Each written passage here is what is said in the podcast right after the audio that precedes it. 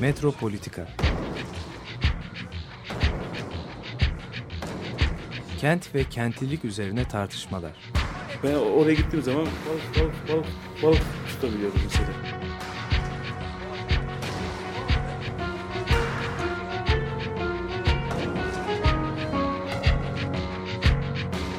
Hazırlayıp sunanlar Aysin Türkmen, Korhan Gümüş ve Murat Güvenç. Takusuyor ki. kolay kolay boşaltamadılar. Yani elektrikçiler terk etmedi Perşembe Pazarı merkezini. Merhabalar değerli Açık Radyo dinleyicileri. Günaydın. Ee, Bir Metropolitika programında tekrar birlikteyiz. Aysim Türkmen ve ben Koran Gümüş. Bugün Murat Güvenç yok. Evet karşılıklı olarak neyi konuşacağız Aysim bugün? Ee, ne çok önemli bu aralar. Gündemde bizim değişmeyen konumuz tekrar e, karşımızda. E, Atatürk Kültür Merkezi'ni bugün programda işleyeceğiz. E, fazla da konuşulmadı aslında. Yani çok şey oldu, haber olarak yer aldı. Basın toplantısı, Cumhurbaşkanı basın toplantısından sonra gerçekleştirmiş olduğu basın toplantısında pazartesi günü proje açıklandı. Fakat e, proje üzerinde pek konuşulmadı gibi geliyor bana. Yani neler konuşuldu? E, Cumhurbaşkanı aslında şey dedi. E, bu, Çirkin dedi. evet. Yıkacağız dedi. Birinci cümlesi Pardon. yıkacağız. Evet bunu yıkacağız. Neden olarak da çirkin olduğunu söyledi. Çirkin oldu söyledi. Ondan sonra da e, bunu yani bu projeyi yapmamızı engelleyenler yani 10 senelik bir ara oldu. Bu inatlaşma süreci diyelim. 10 sene boyunca yapılmasını engelleyenlere de işte bir şey yakıştırdı. Onlara teröristlerle aynı saftalar dedi. Böyle yenilir yutulur lokma değil. Terörizmin anlamı çok genişledi Türkiye'de. Evet her şey artık bir etiket olarak Evet, böyle şey. Yani evet. e, hiç bu kadar anlamı olmamıştı herhalde terörizmin. Evet. Bu herhalde e, şeye geri dönüş. Yani ulus devletlerin kuruluş çağında böyle şeyler vardı değil mi? Böyle Terörizm yoktu ama kelime olarak. terörizm yoktu. Başka- Öteki vardı. Öteki gavur vardı. Şu vardı, bu vardı. Şimdi o manayı kazandı e, bu sözcükte. Aslında ilginç bir şey daha söyledi Cumhurbaşkanı. O bence atlandı. Bence o tarafı yani nereden geldik buraya meselesini de ifade edecek bir şeylerdi. Dedi ki siz bu Avrupalı değerleri savunanlar, işte şeyler, e, modernlikten yana olanlar. Acaba ne, ne koydunuz bugüne kadar ortalığa dedi. Yani şeyi görüyorum dedi işte otomobil yapamadık, uçak yapamadık, cep telefonu yapamadık. Ama kültür ve sanat alanındakiler sizler de bir şey yapamadınız manasında acayip bir şey söyledi. Bir itirafname yani bu aslında kültür ve sanat alanında başarısız olduk dedi ve e, çorak ortamda zaten kültür ve sanat gelişmez dedi. Bu bilmiyorum bu sözleri kendisi yazmıyor olabilir ama yani bunun arkasında bir şey var. E, koskoca bir projenin modernleşme projesinin bir e, muhasebesi gibi bir cümle var. Karşı taraftan bir takım açıklamalar geldi. Yani meslek odasından dün yapılan basın toplantısında e, hemen e, ertesinde proje lansmanı deniyordu değil mi? Pazartesi yapılan toplantı. Proje lansman toplantısıydı. E, meslek odası başkanı şey dedi. E, Tabanlıoğlu tarafından yapılan proje için e, binanın yıkılması mümkün değildir dedi tabii. Yani tescilli eser olduğunu. Halbuki koruma kurulunun da onayladığını anlıyoruz bu arada projenin. Demek ki bir onay mekanizması da çalışmış. Ama bu süreç şeffaf olmadığı için kimse bilmiyor bunu. E, bir hainlik sözü geçti orada da. Babasına ihanet eden oğul sözcüğü tam anlamıyla böyle kullanıldı. Gördüğün gibi şahane mimari terimler çıktı karşımıza. Teröristlik, hainlik vesaire. Ne o biz mimari bir alanı dakik bir konuyu konuşuyoruz. Freud'a kadar gitmiş. Evet. Burada e, şimdi biz de o zaman biraz e, şeye dönelim. Binaya dönelim. Yani projeye bu yeni AKM projesi aslında ne isim geliyor? Eski AKM ne isim geliyor idiyse bence biraz onu simgeliyor yani. Çünkü bu tip kamu projeleri hele böyle bir temsil sahnesi olarak kullanılan bir mekan geçmişten bugüne e, gene aynı oyun alanının bir e, mümtaz sahnesi. Bunu görüyoruz. Yani bu özelliği, AKM'nin bu özelliği bir türlü değişmiyor. İyi, burada e, yani tam bu sözünden sonra söylenmesi gereken çok önemli bir şey var. Herhalde e, yani Türkiye tarihinde bu kadar önemli olan bir tartışma konusu bina olmamıştır. Bu da çok önemli yani hani bütün siyasi temsil mekanizmalarını bir sürü şeyi ortaya koyan, döken aslında. Yani bize müthiş bir hani bu anlamda tarihi bir şey sunuyor. Araç sunuyor AKM. Yani e, her 5 senede bir, 10 senede bir e, hani bütün bu siyasi kutuplaşmaları, değişik renkleri, farklı bakış açılarını ortaya koyması açısından da hani sosyolojik ve tarihi önemini atlamadan geçemeyeceğim. Hatta semiotik önemini de diyebiliriz. Evet. Şeyde mesela çok tartışmalar olur. Hani Sydney Opera binası tartışılmıştır. Ee, Centre Pompidou tartışılmıştır. Ama geçmiştir. Bizim çocukluğumuz bu tartışmalarla geçti. Ben öğrenciyken mimarlık dergilerinde Centre Pompidou ya da Beaubourg Kültür Merkezi tartışılırdı. İşte oradaki mekan anlayışı Renzo Piano ile Richard Rogers'ın hani mekanın içini boşaltıp yapının zamansallığıyla içinde gerçekleşecek etkinliklerin zamansallığını birbirinden ayırması mesela konseptüel olarak bunlar tartışılırdı. Ya da şehrin tarihi merkezinin içine bağırsakları dışarı çıkmış bir yapının konması acaba nedir? Niye böyle bir kontrast yaratılıyor? Bu tartışılırdı. Ama hainlik, teröristlik falan gibi şeyler ben hiç duymadım mimarlık dergilerinde. İlk defa böyle bir şey oluyor. Bu açıdan herhalde dünya tarihine geçmiş Ama işte oluyor. yani hani hakikaten ülkenin gündemini neredeyse hakeme üzerinden okumamızı da sağlıyor ya yani hani bugünkü gündemin en çok konula- konuşulan hani kelimeleri de bu. Gene AKM'de bu kelimelerin hani e, yeri oldu gene. Gene hani AKM işlevini görüyor aslında. Hani 50 senedir aynı işlevi görmeye devam ediyor bize. Hani sosyolojik bir tablo sunuyor her zaman. Ya binanın fiziksel özelliklerinden ziyade binanın nasıl bir zihinsel süreç içinde anlatıldığı ya da tanındığı ya da bilindiği asıl mimari yapan şey budur. Binanın fiziksel özellikleri onun bir şeyidir. Yani bir e, temas ettiği bir konudur ama asıl zihinsel planda nasıl işlendiğidir. O anlamda aslında belki de hani olabilecek en e, önemli mimari, dünyanın en önemli mimari binası olabilir AKM. Düşünebiliyor musun? Hani bu kadarını düşünüyoruz. Hani Centre Pompidou diyoruz. Centre Pompidou bu kadar değil. Hani başka hangi bina bu Hiç kadar ki? Mukayese bir edilmez. ülkenin. Centre Pompidou ile AKM bu açıdan yani mukayese edilemez. Yani siyasi problemlerin üzerinden tartışılması. Ya şey de atlamayalım hani bir tarihçe veriyoruz şimdi. Huhandru'nun hani bu binayı bir Biennale'in e, teması olarak koyması da çok tarihi. Dünya sanat tarihi, dünya mimarlık tarihinde çok önemli bir şey. Bu da. Ben o zaman Ve, e, hatırlıyorum. Mimarlık bunu. Biennale değildi. Değildi. E, tasarım Biennale değildi. Tabii. Bir Biennale'in konusu oldu Güncel sanat problematiği için de ele aldı Hu Hanru. Ve ben onun alnına böyle bir yıldız yapıştırılması gerekir diye düşünüyordum. Tam o sırada onu hain ilan ettiler biliyorsun. Bunu yaptı şey diye. aslında. Cumhuriyetin değerlerine saldırdı. Hu Hanru diye müthiş bir şey hatta aforoz edilsin. Yani Biennale'den dışarı atılsın, e, gitsin vesaire gibi e, böyle talepler dile getirildi. O, o da şaşırdı. Ben neye dokundum acaba diye. Çünkü yani ne kadar önemli bir şeye dokunmuş olduğunu hani o anda fark etmiştik. Biliyordu Ama Bugün aslında. tekrar tekrar hani o dokunduğu nokta hiç bitmiyor yani. Tarih boyunca silinmiyor. Hani hayatlarımız boyunca devam edecek bir şeymiş. Evet. Bu arada Biennale'nin de ne kadar iyi bir Biennale olduğunu hani. Evet o içinde. kaçıncı 10. Bienal miydi? Evet, Muhteşem bir Bienaldi. Yani şimdiye kadar yapılmış Bienallerin Herkes de içinde en iyisiydi ama Şu anda da yine AKM konusu olduğu için Evet. hani e, bir sürü yerde de bu yazılıyor. Herkes aynı fikirde. yapıldığı tarihte ama kıymeti bilinmedi diyebilirim. Çünkü e, bu şeye benziyor. Bazen hani böyle tuhaf bir şey oluyor. Yadırgama süreci oluyor. Mesela Türkiye'ye bir sanatçı geliyor. Herkes ona karşı bir tepki gösteriyor.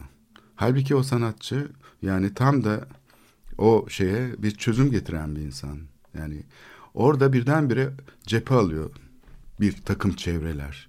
Şimdi burada Huanru'ya karşı da böyle bir cephe alınma durumu oldu.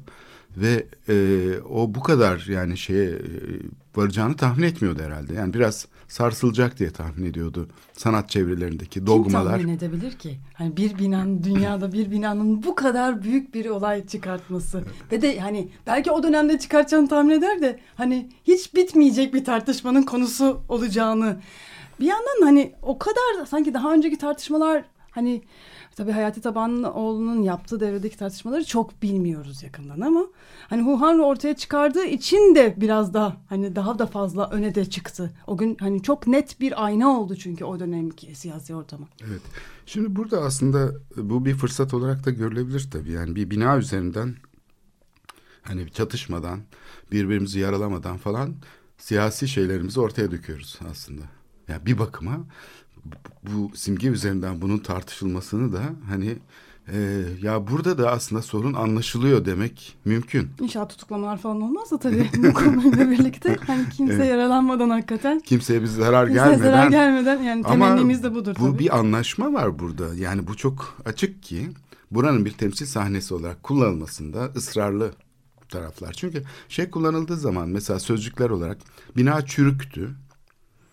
Ya bu seni ikna ediyor mu mesela? Ben yani ikna olmuyorum bina çürüktü lafından. Çünkü yani bina incelendi işte yani geçmişte bu uzmanlar böyle bağımsız uzmanlar e, binanın taşıyıcı olmayan duvarlarının taşıyıcı hale getirilmesiyle çok sağlam bir yapı haline gelebileceğini yani depremlere dayanıklı hale gelebileceğini gösterdiler. Yani dolayısıyla bina çürük lafı restorasyonda söz konusu olamaz. Ya, yani kaldı ki bugün yıkık binaların içine neler yapılabilir? E tabii dökülmekte olan bir binayı bile e, o vaziyette sabitlemek mümkün. Yani Ayrıca o- Topkapı Sarayı işte karşımızda Dolmabahçe Sarayı karşımızda bunların yani hepsini yıkacak mıyız? Böyle bir belge değeri taşıyan yapı elbette ki bir belge olarak eğer düşünülüyorsa korunur yani bunun korunmasının teknikleri var. Bu kadar e, aciz değil yani mimarlık ve şey mühendislik çalışmaları bu kadar tek yönlü yani böyle şey var. Allah'ın emri bina yıkılacak. Bina çürük dedi mi birisi? Tamam mesela bu de, kentsel dönüşüm projelerinde öyle rapor alıyorlar. Onlar da genellikle İstanbul'un en sağlam yapıları. Ruhban sınıfı Tanrı adına konuşuyor tamam mı? Bunlar diyorlar ki bina çürük. Tartışamıyorsun ondan sonra çünkü raporun altında kocaman bir damga var. Ölüm gibi yani. Ölüm Hmm. emri gibi. Şeytan geliyor ve şey dokunuyor bitti. Ama herkes biliyor ki aslında bu palavra. Şimdi bina çürük falan filan bunlar konuşuldu. İşte işlevini yerine getirmiyor falan. Asıl mesele buradaki şey yani inatlaşma diyelim. Nereye gidiyor? Gidiyor. Nereye uzanıyor? Biraz oradan başlayalım istersen. Yani bir tanesi ben şeyi hatırlıyorum. Bu Taksim için e, Dalış Tünelli bu otoyol projesi yapıldığı zaman ve AVM e, bu işte Nurettin Sözen zamanında yapılmıştı. O proje bir sonraki dönemde Erdoğan'ın tabii kucağına düştü. O proje hazırdı çünkü uygulama projesi yapılmıştı. E, Teknik Üniversite yapmıştı bu projeyi. Bu projenin o zaman da biz karşısındaydık. Yani o dalış tünellerine nasıl dönüştüreceğini Taksim'i şey yapan işte toplantılar yapıyorduk falan. Örnekleri gösteriyorduk. Yurt dışındaki örnekleri gösteriyorduk. Yani şehir merkezinde nasıl yaklaşılabilir falan. Trafik sınırlandırılması açısından. Ee, ve ama bir takım değişiklikler de konuşulabilir tabii. Yani öyle aynen kalması şart değil. O sırada bu projenin üzerine tekrar e, gündeme geldiğinde üzerine bir çember çizildi. Aynı projenin üzerine ilçe başkanı mimarmış. E, henüz bir şey mimari hizmet alamadığı için e, Refah Partisi İstanbul Büyükşehir Belediye Başkanlığı seçimlerini kazanınca üzerine bir çember çizdirdi o projenin.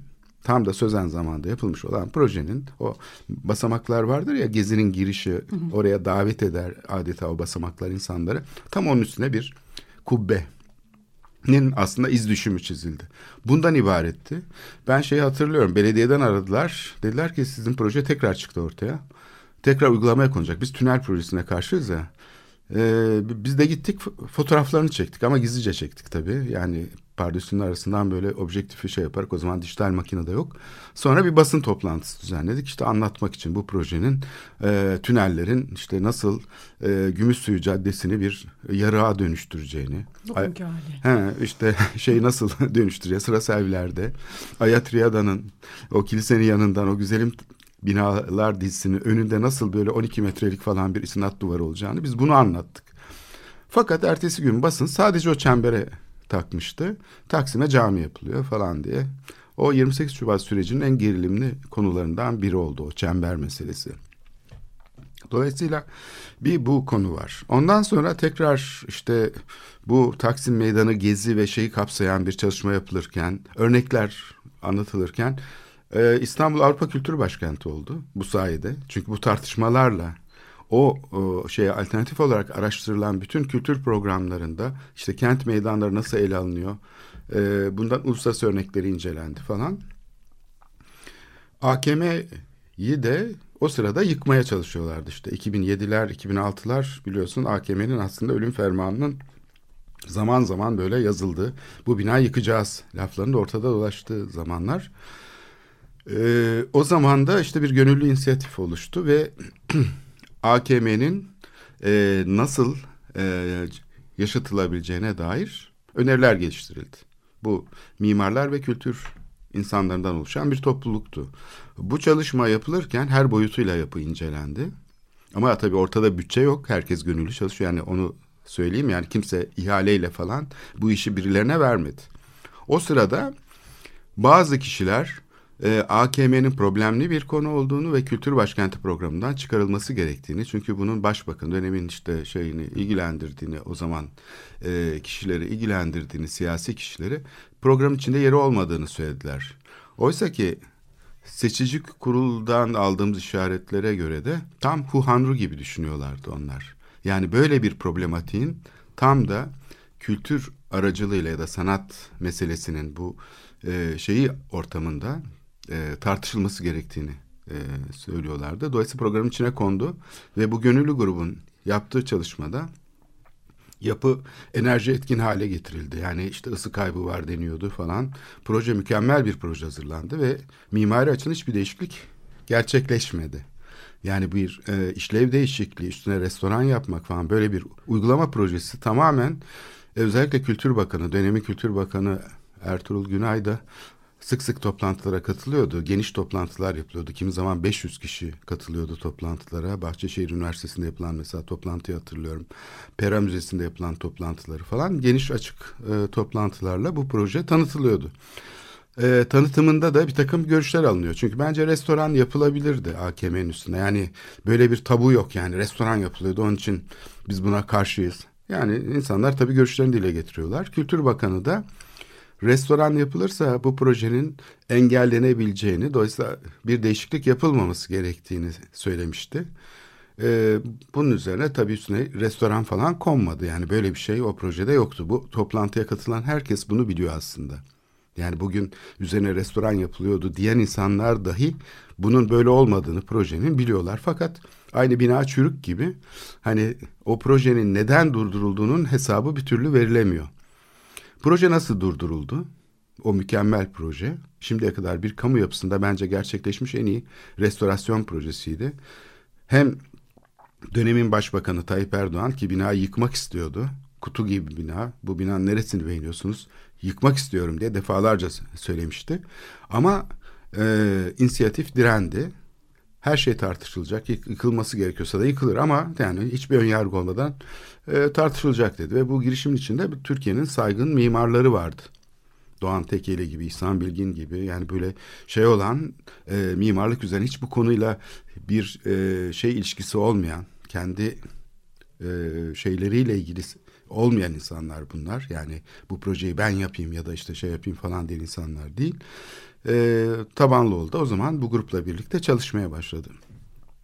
O zaman e, bu yapının elektromekanik sistemleri falan hepsi incelendi. Uluslararası firmalar getirildi.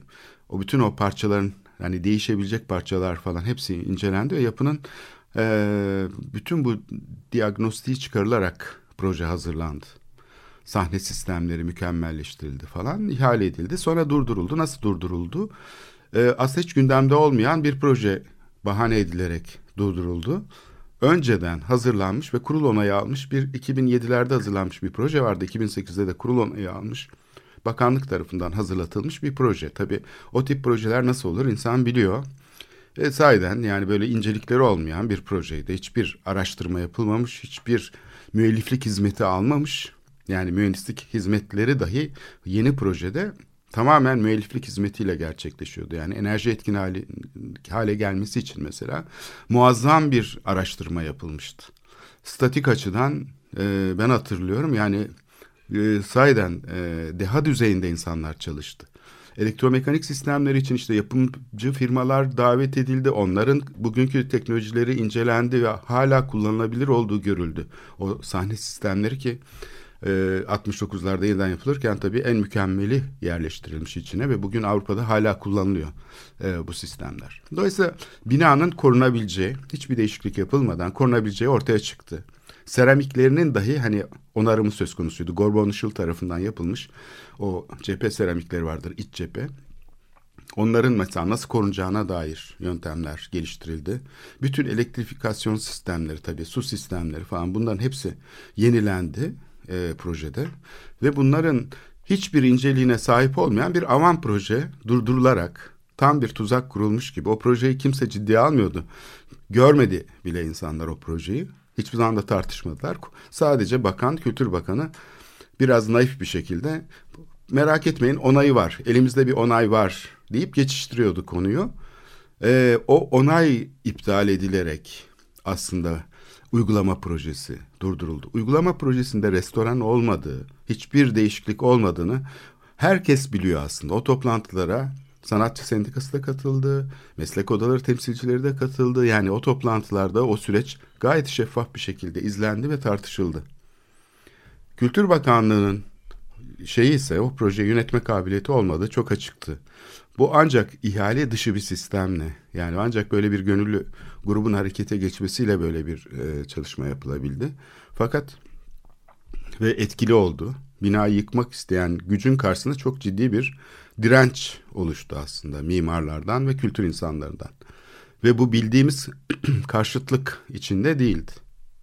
Yani bina yakına, yakamazsın işte tozuna dokunamazsın falan değil. Düşünelim diyen bir topluluk. Gayet makul bir şekilde bu gerilimli şeyi soğuttu o dönem ve politik alanı genişletmiş oldu. Yani bir yapı üzerinden aslında mücadele veren gruplar var.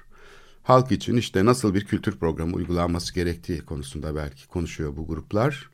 Neyin doğru, neyin iyi olduğuna karar veriyorlar.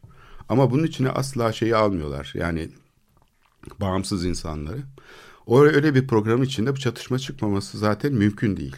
Yani çok böyle yukarıdan e, belirleyici bir yaklaşımla aslında kültür, kamunun kültür politikası aslında resmi bir kültür politikası olarak şekilleniyor.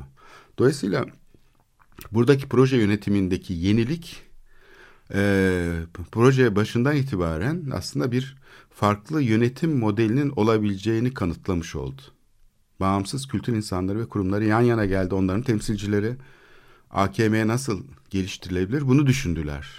Şimdi bu sürecin heba edilmiş olması aslında bu 10 senelik e, şeyi de açıklıyor. O 10 sene bu yüzden yani tamamen yanlış bilgilerle geçmişte onay almış, kurul onay almış bir projenin durdurularak AKM'nin durdurulmuş olması, o projenin engellenmiş olması ve ona işte sürekli üstüne restoran yapılıyordu, yok işte şöyle yapıldı, böyle yapıldı. İşte geçmişteki yani Kültür Bakanlığı'nın uygulamaları biliyoruz. Binanın koltuklarını sökmekle başladılar. Peki kim engelledi?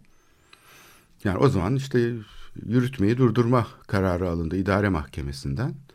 Ee, bunun içinde işte başvuran bir kesim var. Onlar zaten sürekli o projeden rahatsızlar. Hep o çalışmalar, toplantıları böyle bir, bir tür taciz ediyorlardı. Yani toplantılara gelip tartışmaları engellemeye çalışıyorlardı. Konuşmaları engellemeye çalışıyorlardı. Yani böyle bir tür şeyleri vardı. Hoşnutsuzluk.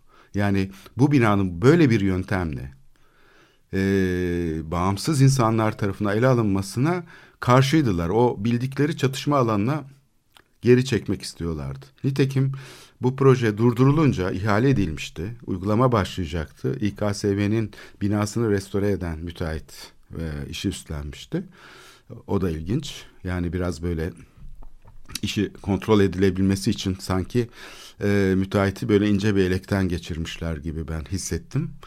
E, fakat durdurulunca bu sivil girişim tamamen devre dışı bırakıldı ve olay tekrar o eski çatışma eksenine taşınarak aynı gezi olayında olduğu gibi iki tarafta böylece rahatladı. Mesela şeyin e, Tayyip Erdoğan'ın çok rahatladığını e, söylediler çünkü bir e, şey bir, alışık olmadığı bir şey çıkmıştı karşısına. Bağımsız insanlar çıktılar ve AKM'nin nasıl restore edileceğini gösterdiler. Ve o yüzden böyle şey bozuldu. Yani o alışmış olduğu ezber bozuldu. Öbür tarafında ezberi bozuldu.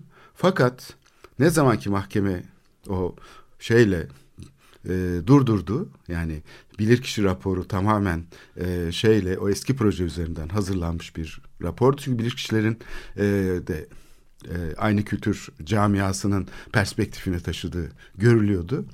Durdurdu ve ondan sonra rahatladı. İstemiyorlarsa yapmayın dedi. Bina için mesela hani para bitti falan deniyor ödenek. Yo bizatihi doğrudan doğru dönemin başbakanının talimatıyla durduruldu. İstemiyorlarsa yapmayacaksınız. Biz zorla onlara binayı yapıp hediye edecek değiliz dedi. Bu kadar basit. Ondan sonra bu gelişmeden sonra da işte gene çırpındı insanlar bina restore edilsin falan filan diye. Ama olmadı. Ve bugünlere geldik. Bu 10 sene İstanbul'un en önemli kültür yapısı kullanım dışı kaldı. Yani bunun hesabının herhalde sorulması lazım ama bu hesabı e, bunun sorumluları soramaz. Yani bunu bu hale getiren, bu süreci bu şekilde bir çatışma ekseninde, e, şehir ekseninden kaldırıp bunu e, gene böyle ruhban sınıfının tartışma alanına e, taşıyan bir e, yöntemle bunun e, şey yapılması mümkün değildi. Evet, konumuza uygun olarak Müzik mi çalacağız? clandestino, tamam.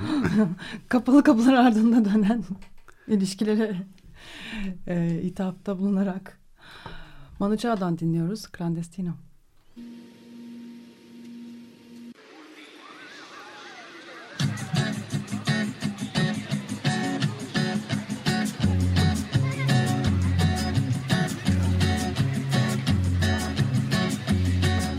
Solo voy con mi pena, sola va mi condena. Correré mi destino para burlar la ley, perdido en el corazón de la grande Babilón. Me dicen el clandestino por no llevar papel. Pa' una ciudad del norte yo me fui a trabajar. Mi vida la dejé entre Ceuta y Gibraltar. Soy una raya en el mar, fantasma en la ciudad. Mi vida va prohibida, dice la autoridad. Solo voy con mi pena, sola va mi condena. Correré mi destino por no llevar papel, perdido en el corazón de la grande Babilón.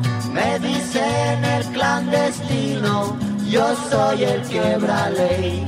Mano negra clandestina, peruano clandestino, africano clandestino, marihuana ilegal.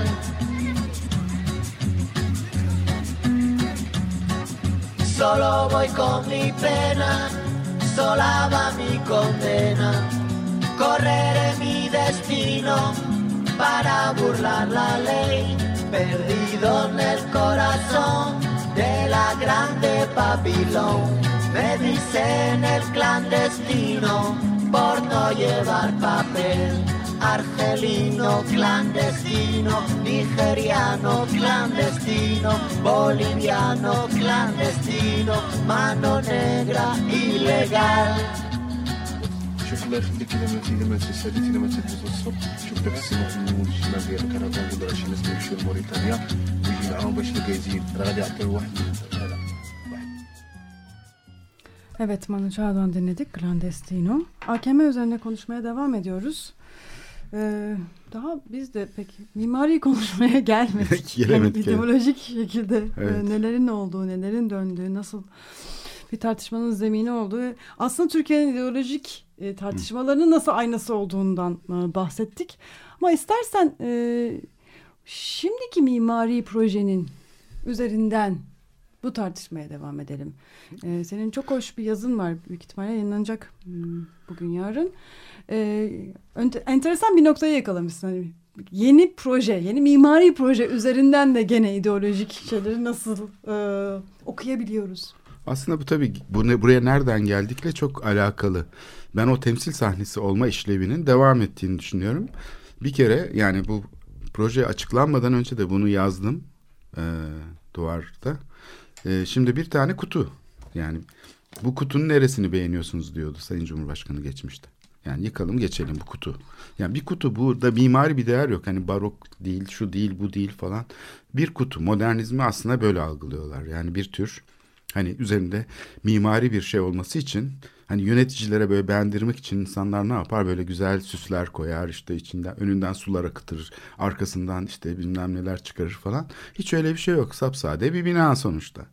Bu işte modernizmin hani 1950'ler sonrası hakim olan yani dünyada da sanatta işte mimarlıkta falan bu e, rasyonalist bir tavrın ese, örneği yani Hilton Oteli de öyle işte kutu gibi aslında sonuçta ama etkilemiş bayağı bir e, etkisi olmuş bu şehirde ki görüyoruz. Ama modernizmin arkasında tabii şöyle bir şey var. Yani o tekrar ve taklidin aslında insan emeğini ile ilişkisi var. Yani orada bir sınıf perspektifi var. Geçmişe bakılırsa modernite aslında bir stil problematiği içine sıkıştırılmış kalmış Türkiye'de. Oysa ki dünyada öyle değil. Yani modernitenin kökenlerinde aslında bir sınıf perspektifi var. Yani emeğin aslında nasıl o taklit şeyin makineyle dönüştürülmesiyle değersizleştiğine karşı bir manifesto gibi aslında modernlik. Bizde ise bizde ise bizde tam ise yani modernizm bir şekilde hani uyulması gereken kurallar ve etiketler bütünü gibi hani Evet. e, hani mutlaka modern olmalıyız e, kafasının anlayışının üzerimize giydirilmiş hali olduğu için bir tepkisel durumu da var hepimizde yani modern o, aman modern olmayalım dedirtecek dere- derecede Evet, boğucu. biraz Evet. boğucu noktaları var. Gerçi bu e, sadece bu ülkeyle de bağlantılı değil dünyada da böyle bir tarafı E, tabii var. yani- Modernizm her her birey için bunu Evet. yaratıyor yani. E, belki hani e, eleştirelliğiyle birlikte e, yaşandığı zaman bu kadar baskıcı olmuyor ama hani e, modernizmin kaçınılmaz bir tarafı da bu hali. E, Türkiye'de bunu biraz ağır yaşamış, deneyimlemiş. İşte bugün de hala böyle yani modern olan denen yani modern şey aslında böyle zenginlerin falan uğraştığı bir şey. Hayırseverlik alanında mesela işte modern sanat, güncel sanat, bienal falan gibi faaliyetler oluyor ama kamu sahasında daha çok ne var? Yeni Osmanlıca akım, daha böyle taklit şeyler falan yani böyle bir şey var, e, ayrışma var ve bu aslında bir işbirliği gibi de aynı zamanda. Yani bir karşıtlık gibi gözüküyor ama aslında kamusal alanı paylaşma biçimi aynı zamanda. Bu çok resmi bir program olduğu sürece modernlik aslında karşısındakini yani dönüştürmek şeyini kaybediyor. UNESCO meselesi Tepeden de öyle. inmeci. Evet Güzel. UNESCO'da aslında savaş sonrası tam da bu e, şeye karşı faşizme karşı kurulmuş bir teşkilatken ırkçı şeylere kültür kavramına milli kültür tam tersine UNESCO bugün delik deşik olmuş vaziyette yani aynı şekilde. Şimdi bu çember meselesi Taksim'e yapılacak çember aslında ne isim geliyordu? Yani o kıyamet koptu. Bütün Hürriyet Gazetesi'nin, Milliyet Gazetesi'nin ön sayfadan verdiği Taksim'e cami yapılıyor. İslami kesim. Evet İslami milli görüşün aslında İslami kamu sahasında ideolojiyi aslında simgeliyor. Tamam. simgeliyordu evet. Yani bu Türkiye Cumhuriyeti'nin aslında iki tane akıntısının, iki e, şey e, milli akımının diyelim, iki tarzının e, birisi milli görüş ya da İslam, siyasal İslam öbürü de işte modernist e, yaklaşım.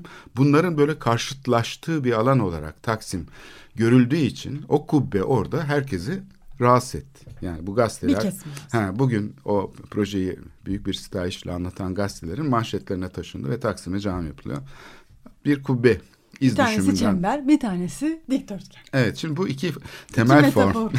iki tane temel form. Yani birisi bir şöyle kutu gibi diyelim bir dikdörtgen prizma. Öbürü de bir yarım küre. Yarım küre aslında yani kubbe dediğimiz şey. Bu proje bu ikisini birleştiriyor aslında bakılırsa. Yeni mimari projeden Yeni mimari proje. Yeni AKM aslında e, bu izdivacı simgeliyor. Yani devlet katındaki aslında günümüzün e, şeyiyle yani bu e, birbirine yaklaşan iki taraf gibi hareket ediyorlar. Ama siyasal alan gene geniş, genişlemiyor. Yani bu şeyden dolayı değil bir demokratik sürecin sonucu değil tam tersine. O aradaki tansiyonu ortadan kaldıracak bir şeyler bir takım gelişmeler olduğu için bunu simgeliyor olabilir diye ben aslında biraz mizah yollu olarak bu projeyi yorulmamaktan yanayım. Niye? Çünkü kubbe e, kutunun altına girdi. Yani şeyi kabul etmiş oldu. Modern oldu. Evet tabii modern oldu. Zaten o da e, kubbeye dikkat edersen Zaten kırmızı modern de. gözüksün diye içeriden. Modern olduğunu kabul ettik. Şimdi proje müellifi bize kızıyor olabilir bunları biz kon- böyle konuşurken ama yani müsaade etsinler biraz da biz de konuşalım yani biz hiç kimseye terörist demiyoruz şey demiyoruz değil mi burada kimseye de kötü bir şey söylemiyoruz Hain de yani. demiyoruz. hain de demiyoruz onun için biraz mimarlık böyle bir şeydir Gördüğümüzü söyleyelim. bir kurgudur bir tiyatro sahnesi ise burası biz de mimarlığı da biraz böyle temsilleştirelim ve mimarlığın da böyle konuşulmasını değil mi e, sağlayalım. Çünkü bizim burada konuştuğumuz şeyler de Türkiye Cumhuriyeti'nin aslında temel şeylerine işaret ediyor. Birisi modernist e, şeyi tam da İkinci Dünya Savaşı sonrasında Türkiye'nin NATO'ya girmesiyle vesairesiyle esen bu liberal akım işte sanatta bilimlerde böyle ortaya çıkmış olan fakat gene akademik kanalıyla topluma enjekte edilen daha önce milli görüş sahibi olan mimarların birdenbire modern oldukları, ha dönemin modası buymuş dedikleri bir problematik içinde gelişti modernlik Türkiye'de. Stilleştirme problematiği diyoruz. Yani bir tarz. Mimarlar bir sabah uyandılar, yataklarından kalktılar ve modern oldular. Modernlik işte neydi? Böyle yuvarlak kemerli pro- e, pencere yapacaklarına birdenbire dikdörtgen yapmaya başladılar. Böyle zannediliyor. Yani şey kitaplarında da öyle. Mimarlık tarihi kitapları da bunu böyle bir şey hikayesi olarak anlatıyor. Yani bir stil dönüşüm hikayesi gibi modernliği. Bunun arkasındaki problematiği hiç sorgulamadan. Dolayısıyla böyle olunca o kutu tam da o milli temsil sahnesinde çünkü kültür alanı aslında bir tür ayrıcalıkların paylaşıldığı bir yer. Yani kültürle başlıyor bu seçkinleşme, soylulaşma hareketi. Kendi elitini böyle oluşturuyor siyasal hareketler. Dolayısıyla bir tanesi kutuysa e, Cumhuriyet'in aslında timsali haline gelen şeyin bir tanesi kutuysa öbürü de kubbe. O da yarım küre. Şimdi burada projede bunlar birdenbire iç içe girdiler. Sunulan projeye baktığımda ben bunu görüyorum. Yani kubbe kutunun içine girdi. Ama kutu kubbenin içine girmedi. Şimdi burada bir tür aslında bir uzlaşma e, şeyi var denebilir. Burada yani bunun e, simgelendiği söylenebilir. Biraz e, mizahi yolla belki, biraz e, şey yolla, varsayımsal bir yolla, e, kutuyla yarım küre, Mizahi kubbe değil, çok sosyolojik bir şeyden birleşti. Çok Türkiye Cumhuriyeti'nin yeni hali bu. Yani eskiden e, çok partili demokrasi denen bir şey vardı. Yani iki tane damar yani birisi böyle e, şeyi temsil ediyordu. Popülist akım yani ben milleti temsil ediyorum diye ortaya çıkmıştı. Öbürü ise biraz daha devletin merkezine yerleşmiş olduğu için ben devlet aklını temsil ediyorum, bilimi temsil ediyorum, sanatı, modernliği, çağdaşlığı temsil ediyorum falan da diyebiliyordu.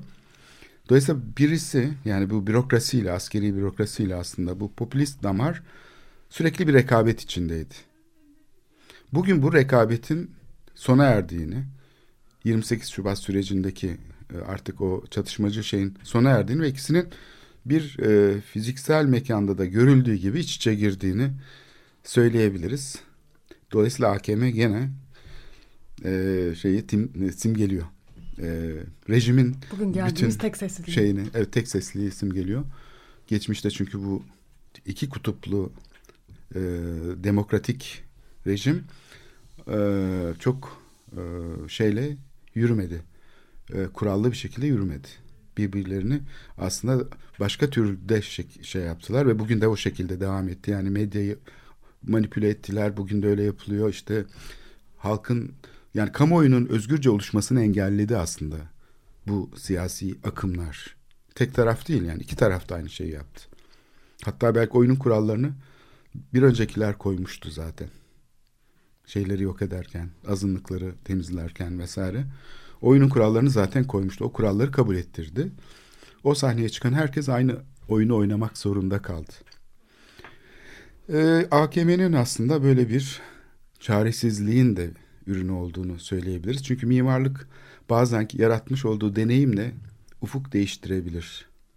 Örnekleri ortaya koyunca o bir vakum gibi şeyleri değiştirebilir. Yani tartışma ortamını değiştirebilir.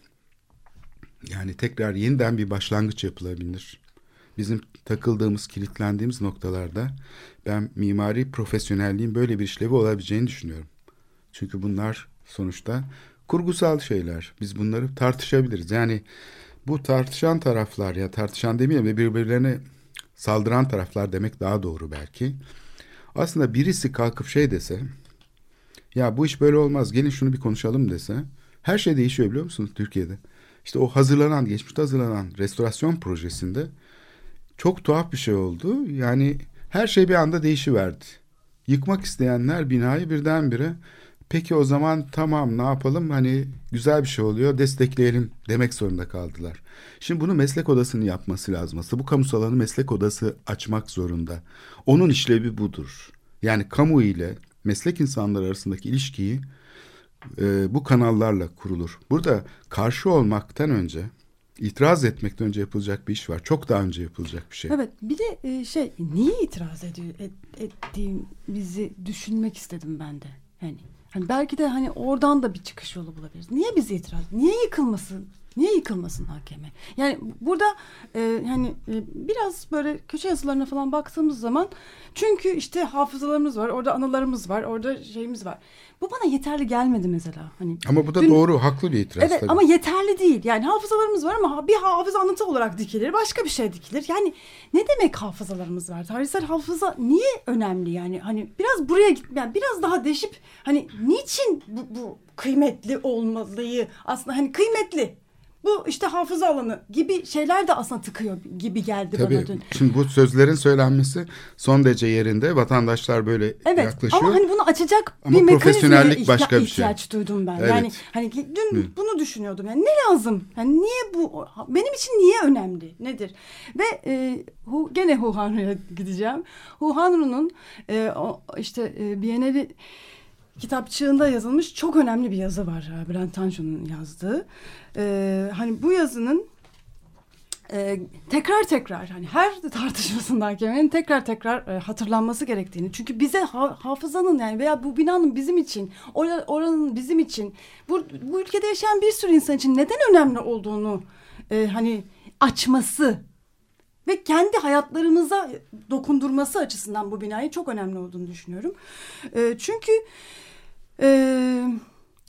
şöyle diyor Bülent Tanju, yani bu aslında hani e, bir e, Atatürk e, işte kültür sarayı olarak kurulmuş. Aslında ilk öyle düşünülmüş bir binanın o tekleştirici, bütünleştirici, hani tepeden inmeci, o modern e, bakış açısıyla oluşturulmuş sarayın aslında hani e, bir saray elitizmiyle oluşturulmuş yerin e, kapatıcı haline, kapatıcı durumuna farklı bir e, şey getiren bir sürü e, damarı yer olmuş olması. Bir sürü damarı da oraya çekmiş olması. Nedir bu? Hani Taksim Meydanı düşünürsek senin bahsettiğin gibi dini İslami pratiklerin işte oraya cami yapma istemesi. Böyle bir damar var.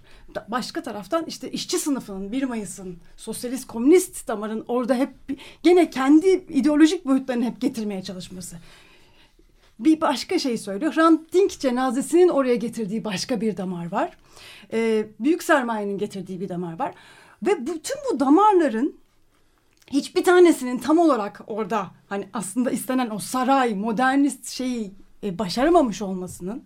E, ama hepsinin gelmiş olmasıyla o mekana ortalama toplam vektörü ortaya çıkarmış olması. Yani bütün tarihimizdeki hani yaşamışlığımızın içinden olan bütün bunları oraya getirmiş olmasıyla çok önemli bir yer e, olduğunu bahsediyor. Yani burası e, dolayısıyla bizim hayatlarımızın hani bu kadar değişik ideolojiler tarafından baskın almaya çalışılsa bile aslında karmaşıklığını, yani bütün bu ideolojinin dışında orada hani bizim sadece gündelik hayatımızı geçirdiğini, yani bu, bu ideolojiler yok değil evet var ama biz gündelik olarak da orayı yaşayarak bütün bu ideolojilerin Bazımız işte 1 e, Mayıs'ta orada olarak, bazımız cami isteyerek, bazımız hani orada hani büyük sermayenin çalışanı olarak bile orada olarak ama gene de bu ortalama vektörü oluşturarak orada olmamızın ne kadar önemli olduğunu anlattığı için evet. çok önemli. ben de bir küçük bir ek yapayım. Ee, AKM o zamanki adıyla Kültür Sarayı 69'da nasıl yanmıştı? Cadı kazanı temsil edilirken cadı kazanı nedir? Yani nasıl bir oyundur? Arthur Miller'in yazdığı bir oyun. Türkçe'ye Selahattin Eyüboğlu ve işte Vedat Günyol tarafından çevrilmiştir ve neyi simgeler? Kültür üzerindeki devlet terörünü aslında eleştiren bir oyundur. Yani Hollywood üzerinde, sinema sektörü üzerinde 1940'lardaki o Amerika'daki McCarthy'ci dönemin eleştirisini yapan bir oyundur o. Ve bu tam da devletin kültür aparatlarının içinde sahnelenir. Ben orada Cani Yücel'i dinledim, Onat Kutlar'ı dinledim. Çok e, şey dinledim, çok eser gördüm. Yani aslında bu e, şey, e, bu kamusal alan şey olarak da yönetilemedi.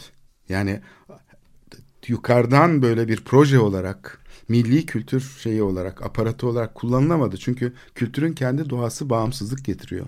O aparat bu tip şeylere izin vermek zorunda kaldı. Çünkü yaratıcı enerji oradan geliyordu. Şimdi bugün Tayyip Erdoğan'ın yaratıcı alanda yani sanat ve kültürde başarılı olamadık derken aslında itiraf ettiği şey bu. Çünkü bağımlı bir alanda kültür ve sanat yeşermiyor. Bu kendi sözü.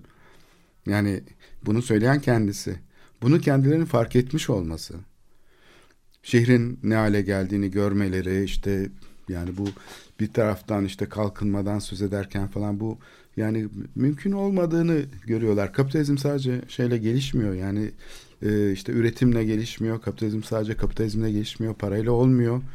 Kapitalizm dışı mekanizmalarla kapitalizm ayakta kalabiliyor. Bunun dünya farkında. Kültür ve sanat dediğimiz şey aslında bildiğimiz e, eğlence sektörü gibi yani kapitalizmin mekanizmalar içinde gelişmiyor. Bunu herkes farkında olduğu için zaten kültür ve sanata yatırım yapıyor. Bu kadar müzelerin açılması İstanbul'da boşuna değil bu kadar sanatçının sürekli şeyin dışında kalması, milli programların dışında kalıp itiraz etmesi, sorgulaması boşuna değil. Dolayısıyla sanat dediğimiz alan aslında bir şeyin e, sorgulandığı ve değiştiği bir yer. Atatürk Kültür Merkezi bunun da şeyi yani şey sahnesi. Sanat. Yani Hı. hani orada yaşanmışlıkların ortaya çıkardığı bir şey hani. Bu da çok önemli. Orada yaşadığımız şeylerden bir sanat yapabiliriz. Bunu yok ederek yani bir daha hatırlamadığımız bir, bir şey bir karanlığa gömerek ancak onun travmalarını yaşıyoruz ondan sonra. Hep yıkımların travmalarını yaşıyoruz. Halbuki hani var olmuş olan travmaları hani e, açıp deşip ortaya koydukça buralardan beslenip bir sanatçı yetiştirebiliriz. Hakikaten hani e, Recep Tayyip Erdoğan'a söyleyeceğimiz şey de bu yani. Yıkmayın, yıkmayın ve hani oradan başka sanatçılar yetişmesine imkan olsun. Hani açalım, anlamlarını açalım. Neler söyledi? Yani daha fazla neler söyleyebileceğini e, hani Evet, 10 seneden bakalım. ders çıkaralım. 10 sene evet büyük bir kayıp ama hiç olmazsa bu 10 seneyi den bir ders çıkaracak şekilde bu 10 seneye bakalım. Bunu yapamıyorsak biz bütün kaybetmiş oluyoruz. Şimdi bence şimdi bu bir proje bir tabii şey e, ne denir e, ortaya çıkmış bir fikir. E, bu fikir üzerinden de tartışılabilir. Bir kere yani projenin nasıl yönetileceği ortada yok. Yani projenin öznesi yok artık. Yani bu Kültür Bakanlığı, Yatırımlar Daire Başkanlığı tarafından falan yönetilebilecek bir proje değil. Böyle bir proje. Bu projeyi tekrar kente iade etmek gerekiyor bir kere. Ankara'dan böyle bir proje yönetmek yerine bu projenin ortaya çıkan çok temel bir sorunu var. Kültür meselesi böyle yönetilemez. Yani burada bir problem var. Dolayısıyla şehre iade edilmeli AKM. Başlangıçta zaten belediye başlatmıştı bu yatırımı biliyorsun. Sonra bütçesi yetmediği için e, Ankara merkezi hükümet üstlendi. Dolayısıyla bu binayı geri vermeleri lazım şehre. yani orası merkezi yönetim bir oyun alanı olmaktan çıkmalı. E, proje yönetimi için aynı bundan 10 sene önce denendiği gibi özel bir kurul oluşturulmalı. Geçmişte bu yapıldı ve çok başarılı oldu. O yüzden Tayyip Erdoğan da onların ortaya koymuş oldukları fikirleri kabul etmek zorunda kaldı. Bu küçücük dene, e, gönüllü çabalarla başlayan çaba şey çalışma bence devam ettirilmeli. Bu çok önemli bir ders. 10 sene önceki ders. E, Gezi için de aynı şey yapılmaya çalışılmıştı. Ancak o da olamadı.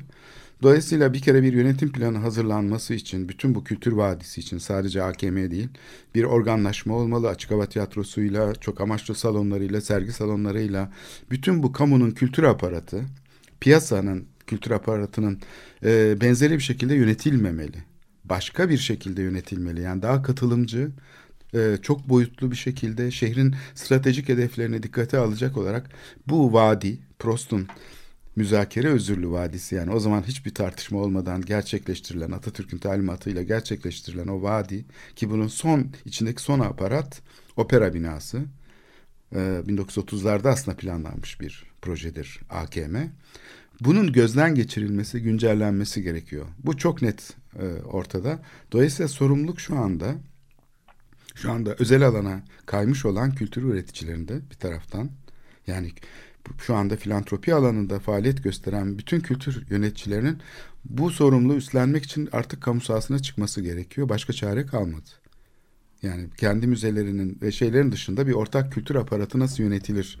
Şehrin kültür aparatı nasıl yönetilir? Bu konuda herkes konuşmak durumunda. Bir de yani mimari açıdan da bir düşünce özgürlüğü ortamı yaratmak lazım.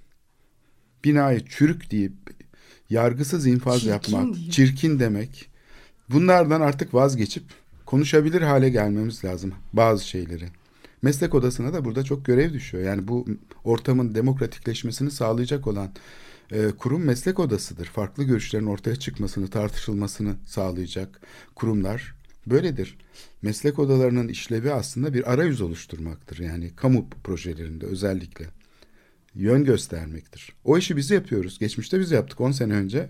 Meslek kuruluşunun yapması gereken işi biz yaptık. Tarafları bir araya getirdik, kültür insanlarını bir araya getirdik. Bir kamu yönetiminin proje geliştirme süreci nasıl olur? Bürokrasi içinde mi olur yoksa nasıl bürokrasi bir işlev görür içine öznellikleri almak için falan. Bunların konuşulması lazım. Yoksa sahiden Türkiye'de mimarlık kamu sahasında gelişemez. Sadece piyasa aktörlerinin işte şeyde AVM'ler için falan ve işte zenginler için yaptığı konutlar, rezidanslar bilmem ne olarak algılanır mimarlık.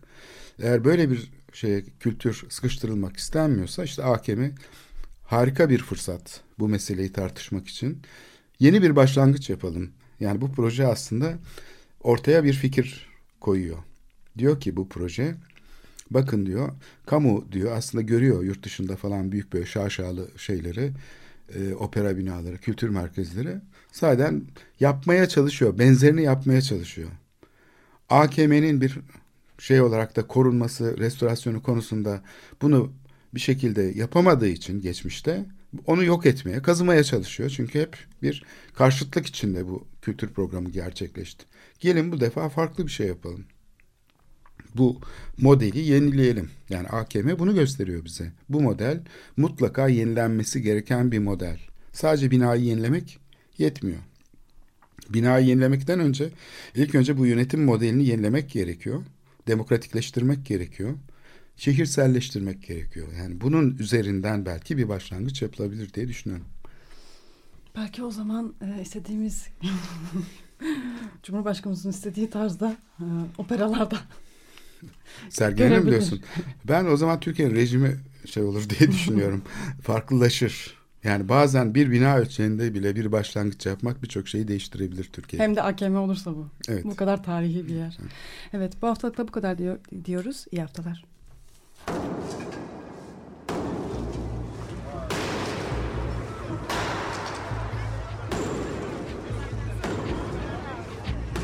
Metropolitika Kent ve kentlilik üzerine tartışmalar. Ben oraya gittiğim zaman balık balık balık balık tutabiliyorum mesela.